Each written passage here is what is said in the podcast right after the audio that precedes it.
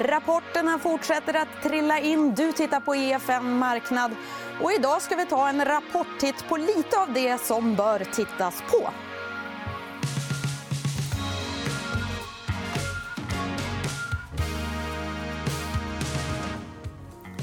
Ara Mustafa, varför står vi här nu då? Jo, EFN Marknad det är ett nytt program vi har. Och I det här programmet, innan vi pratar med dagens gäst så ska vi faktiskt förklara någonting. Och idag har vi valt att ta upp orderingång. Just ja, för vi ska prata om ett bolag där orderingång är väldigt viktigt. Alfa Laval. Mm. Och här börjar vi då med orderingången som blev lite sämre det här kvartalet än vad analytikerna förväntade sig och även lite sämre än vad den var förra året samma kvartal. Och det här är så intressant. för Det var eh, marindelen som var lite svagare det här kvartalet men den kommer bli bättre i eh, nästa kvartal. säger de. Så Det är positivt på det sättet. Och varför är orderingången så otroligt viktig? För vi pratar om det här jättemycket, du och jag. Exakt. För eh, omsättning som kommer därefter det säger vad de har liksom gjort det här kvartalet i form av mm. att leverera. Men orderingång det är liksom beställningar. Det är arbete som de kommer kunna leverera i framtiden. Och varför det är så viktigt det är för att vi alltid vill blicka in i framtiden. Vi vill titta på om de har jättemycket omsättning men ingen orderingång då kommer de till slut en dag inte ha nåt arbete kvar att göra. Så det är en sak om det går bra nu, men man vill ändå titta Exakt. lite fram? Det är jätteviktigt att de hela tiden har en orderingång så att de hela tiden har nya beställningar så de har jobb att göra i framtiden. Mm. Eh, annars, så om vi bara kikar på resten så kan man väl summera det med att de hade rätt starka marginaler och även att resultatet blev eh, väldigt, väldigt starkt. Och eh, de har höjt utdelningen dessutom. Mm. Eh, det var lite lägre än analytikerna väntade sig i snitt. Men ändå en mm. stark rapport. Den stiger på rapporten idag. Mm. Tack. Och med det så traskar jag vidare.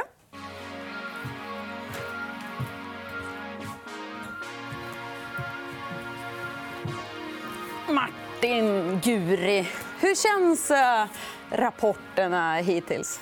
Okej. Okay. Det började lite svagt, men det har tagit sig. Det har varit en blandad mix. Jag tror förväntningarna inte var speciellt höga. Och nu är det lite knepigt läge förstås i världskonjunkturen. Så jag tror inte så många fäster sig jättestort avseende vid dem. Men man kan också välja att se bort ifrån det här med coronaviruset och allt annat och titta på det långsiktiga. Vad som händer på ett, och två och tre år. Och förstås, då är det viktigt med strategin och outlooken, vad bolagen säger. Och då låter det ganska bra. tycker jag. Några ledtrådar kring konjunkturen? Ja, det är ju i ett läge då vi egentligen ser en återhämtning från fjolåret som var en stor besvikelse. Alla prognoser skrevs ner väldigt mycket. Vi fick handelskriget på oss och liksom själva lutningen på kurvan blev mycket, mycket, mycket sämre. Och sen gick också effekten av skattesänkningarna 2016-2017 ur systemet. Och nu är liksom nere på en annan bas. Och då brukar man prata om baseffekterna. Liksom då stiger det lite, lite bättre. Så bästa gissning är ändå att det kommer att bli lite, lite, lite bättre. Men förväntningarna är låga. Det får man lov att säga väldigt realistiska. Okay. Kul att du är här. alla fall. Vi ska ta en titt på dagens rapporter som har eh, kommit in eh, hittills idag. Jag vet att du brukar gilla att titta framåt. lite Sommardäck på vintern. vintern ja. Och tvärtom. Precis. Vi ska inte grotta ner oss i det. Men, eh, om vi börjar med Alfa Laval. Då, det kom ju in med ett resultat bättre än väntat bättre. Eh, lite svag orderingång, men annars så. Mm. Det är lite grann av en darling på börsen. faktiskt. Så det är klart, man får lov att säga att de levererar i stort sett i förväntansbilden. Och här är ju väldigt mycket den underliggande affären, hur det går liksom med marinsidan. Lite svag orderingång. Men man vet att de gör bra grejer. och Det här kommer fortsätta att rulla på. Jag tror det kommer att fortsätta vara en favorit på börsen. Så vi har dem bland våra favoriter. Mm. Och så har vi nämnt tv bolaget som levererade ja, i stort sett enligt förväntningarna. Men antalet abonnenter? Över 100 000. Ja. Bra fler, gjort. alltså? Ja, precis. Fler. Så det växer på. De verkar ha rätt mm. koncept. Kunderna verkar gilla det här. Så vi får se vad det blir av Nent i mm. framtiden. Det är ett ganska litet bolag. De nischar sig väldigt mycket. De kämpar för att de skaffa sig en marknadsposition. Mm. Och jag tycker det är jättespännande. Tre, fyra år framåt så får vi se om det går ihop med någon jätteoperatör eller om en utlänning kommer in. För hela det här landskapet det rör sig hela tiden. Mm. Så det är ett spännande bolag som vi också gillar. Mm. Vi pratade om orderingång tidigare i Alfa Laval. Abonnenter, är det ungefär av samma värde i ett bolag som Nent? Skulle du säga? Jag skulle nästan säga att det är av ännu högre värde. för Det är inte så ofta som man byter. Det finns ju en omsättning, en körn bland, eh, bland kunderna. Visst är det så. Men har man ett bra erbjudande så brukar man ta de stickiness, att man stannar kvar väldigt ofta. Mm. Och det är lite grann så här när man tittar också på utbudet på tv-sidan. Ofta så ger man bort någonting första året eller kvartalet gratis. Mm. Och sen så börjar man fylla på med lite avgifter under ett år. Då tar man fullt betalt och då sitter man där där. Det går ju på autogiro och det tickar på. Och det är det som är själva grejen, att få in kunderna med ett bra erbjudande och ha rätt teknisk plattform också. Mm. Så det är mycket som ska stämma och det är hård konkurrens. Mm. Men eh, jag tycker Nent gör det anmärkningsvärt bra. faktiskt. Jag är förvånad. Har de lockat dig? Min fru. ja, du ser. Ja, så har vi ju Resursbank också. kom in något svagare. Men det var väl en engångspost där ja. som kan väcka lite frågetecken. Ja, precis. De gick igenom sin portfölj i Norge. där och eh, Då var de tvungna att göra en avskrivning. Och det väcker då frågan är hela portföljen i mycket sämre skick än vad man trodde eller var det bara här en engångshistoria. Och åtminstone så här långt har det inte kommit fram några klara besked på den punkten. Mm. Man blir orolig generellt sett för de här nischbankerna. Att man har varit lite väl frikostig med konsumentkrediter under de här goda åren och att man nu får börja äta upp det. Att det kanske mm. blir en ökad andel kreditförluster. Och de som är negativa på sektorn generellt sett på nischbankerna lyfter fram det som den största risken. att Det är inte så bra som det ser ut på ytan. Det är mm. snabba pengar på kort sikt som man gör men så småningom så får man äta upp det här med tilltagna kreditförluster. Så det finns ju en anledning till oro och vi vill ha klara besked. Vi får se om det kommer under dagen. Så ett varningens för att de inte har riktigt så bra koll? Din... Ja, det vet eller? jag inte riktigt. Man kanske har klassificerat dem lite väl frikostigt eller bara kommunicerat och haft en annan bild av vart portföljen ser ut. För vet man att det är liksom en halvdålig portfölj, ja, men det är helt okej. Då vet vi det. Då sätter vi lätt prislapp på det. Men om man tror att det är lite, lite bättre och väldigt få kreditförluster och ska ha lite högre värdering, men det kanske inte är riktigt där. Så den misstänksamheten finns ju där. Och det finns ju andra små nischbanker som har ganska påtagliga problem just nu, har vi sett i media på senare Just mm. Då har vi ju Husqvarna sen då, som har kommit in här. Titta. Mm. Backar lite grann idag. Något svagare än vad man hade hoppats på. Fortsätter ner. Det har inte varit någon dalning på börsen. Får man lov säga. Aktien har fallit väldigt kraftigt. De som är chartister skulle definitivt säga att nu är det intressanta nivåer att plocka upp den här. Och det är bara att skriva under på. Visst är det så. Den har vänt här många gånger. Det viktiga för Husqvarnas del är precis som vanligt. Det är våren. Hur går vårförsäljningen? Gräsklippare, trädgårdsslangar, all utrustning runt omkring. Och det är direkt avgörande att den här våren liksom spelar ut rätt för dem. Att det liksom inte blir för kallt, inte blir för blött, inte blir för konstigt. Mm. Och ett frågetecken som har dykt upp och som de själva nämnde Husqvarna det är insourcingen från Kina. Om det här problemen fortsätter där borta in i mars då kan det bli problem att få fram helt enkelt delar till en del av utrustning. Och det kan slå på försäljningen. Men nu har man tydligt flaggat upp det här, att det är en risk. Och det är klart att de som är försiktiga de ser väl också det liksom på den negativa sidan. Men eh, tekniskt sett så ska det liksom vara en uppgångsfas som vi har under våren. Typisk säsongsaktie. Just det. Ja. Våren. Då. Och så har vi Nobia. Han vill se, se den lite snabbt där och också ökat resultat och ökade marginaler. Men i de här siffrorna då, som eh, bolagen har presenterat här... Vi ser inte mycket av corona där. Va? Nej det, corona kom på den här sidan årsskiftet. just den här utbredningen och de stängningen av städerna, och produktionsanläggningarna och förlängningen av kinesiska nyåret. Det pågår nu. Det är den här veckan. Så ingenting av det. Utan bolagen har varit kloka i sin kommunikation. Har de verksamhet som är relaterad till städer och till Kina och så vidare så har man sagt att det kan komma. Och det är väl så långt man rimligen kan begära att bolagen ska vara tydliga i sin kommunikation. Sen får vi se. då. Mm. Och det kommer behöva göras justeringar under Q1. Det är väldigt många företag på, på grund av det vi upplever nu. Mm. Och, eh, det är knepigt knepigt. Så det kommer att vara svårt att få det där exakt rätt. Men de allra flesta tänker nog att om två, tre kvartal så är vi i ett annat läge igen. Du har ju varit med ett tag. Jag säger inte att du är gammal. Så. Men eh, hur brukar börsen reagera när det är stora händelser? Corona, sars eller 9-11 kanske? Ja, den, ska, den ska reagera precis så här. Det finns ju flera olika typer av investerare. Den allra knepigaste typen av investerare som har ökat i omfattning explosionsartat den senaste tiden det är maskinerna, det är datorerna. Mm. Och framförallt tradingmaskiner och algoritmer som läser nyhetsflödena. Och när man liksom kopplar ihop ett visst antal begrepp med negativ innebörd då bara säljer de rakt av. Man säljer terminer, man säljer sektorer. Och sen förekommer vissa sektorer. Och det där driver ju på. Och sen så kommer vanliga traders in och förstår liksom att det här kan hålla på en dag, en timme eller två. Det spelar ingen roll. Och den andra typen av investerare som jag kanske själv tillhör, det är lite grann så här, ja, men vänta lite, det dyker upp ett köpläge här. Så försöka tajma det där när vi har tillräckligt mycket information. För vi vet att om sex månader går det här över. Det här går ju också över. Vi kommer komma in i en helt annan diskussion snart. Och försöka plocka aktierna. För vi ska komma ihåg att varje aktie som säljs köps ju faktiskt av någon som har en annan vy på marknaden, men som kanske är mycket, mycket längre. Mm. Och därmed inte sagt att inte båda kan ha rätt. Men det naturliga är att mm. allting som är konjunkturkänsligt, det tappar. Så vad kan du tänka då? Vilka typer av aktier är det som förlorar? Det finns ju vissa typer av intäkter som man förlorar som man inte kan ta tillbaka. Ja. Såklart. Jag brukar, säga, brukar ta koppar eller till exempel olja som exempel. Så det priset som vi hade innan det här stora utbrottet kan vi säga, då är utbud och efterfrågan är väl i balans. Mm. Och så försvinner efterfrågan, som det gör nu i Kina som är världens största konsument av det. Och vad händer då? Ja, då ökar utbudet. Följden är ju att priserna sjunker. Sen kommer det här komma tillbaka. Och då kommer produktionen sakta men säkert. Men vi har ju ett berg som vi måste liksom beta av. Mm. Och det kommer ta tid och det ger en viss prispress på råvarusidan.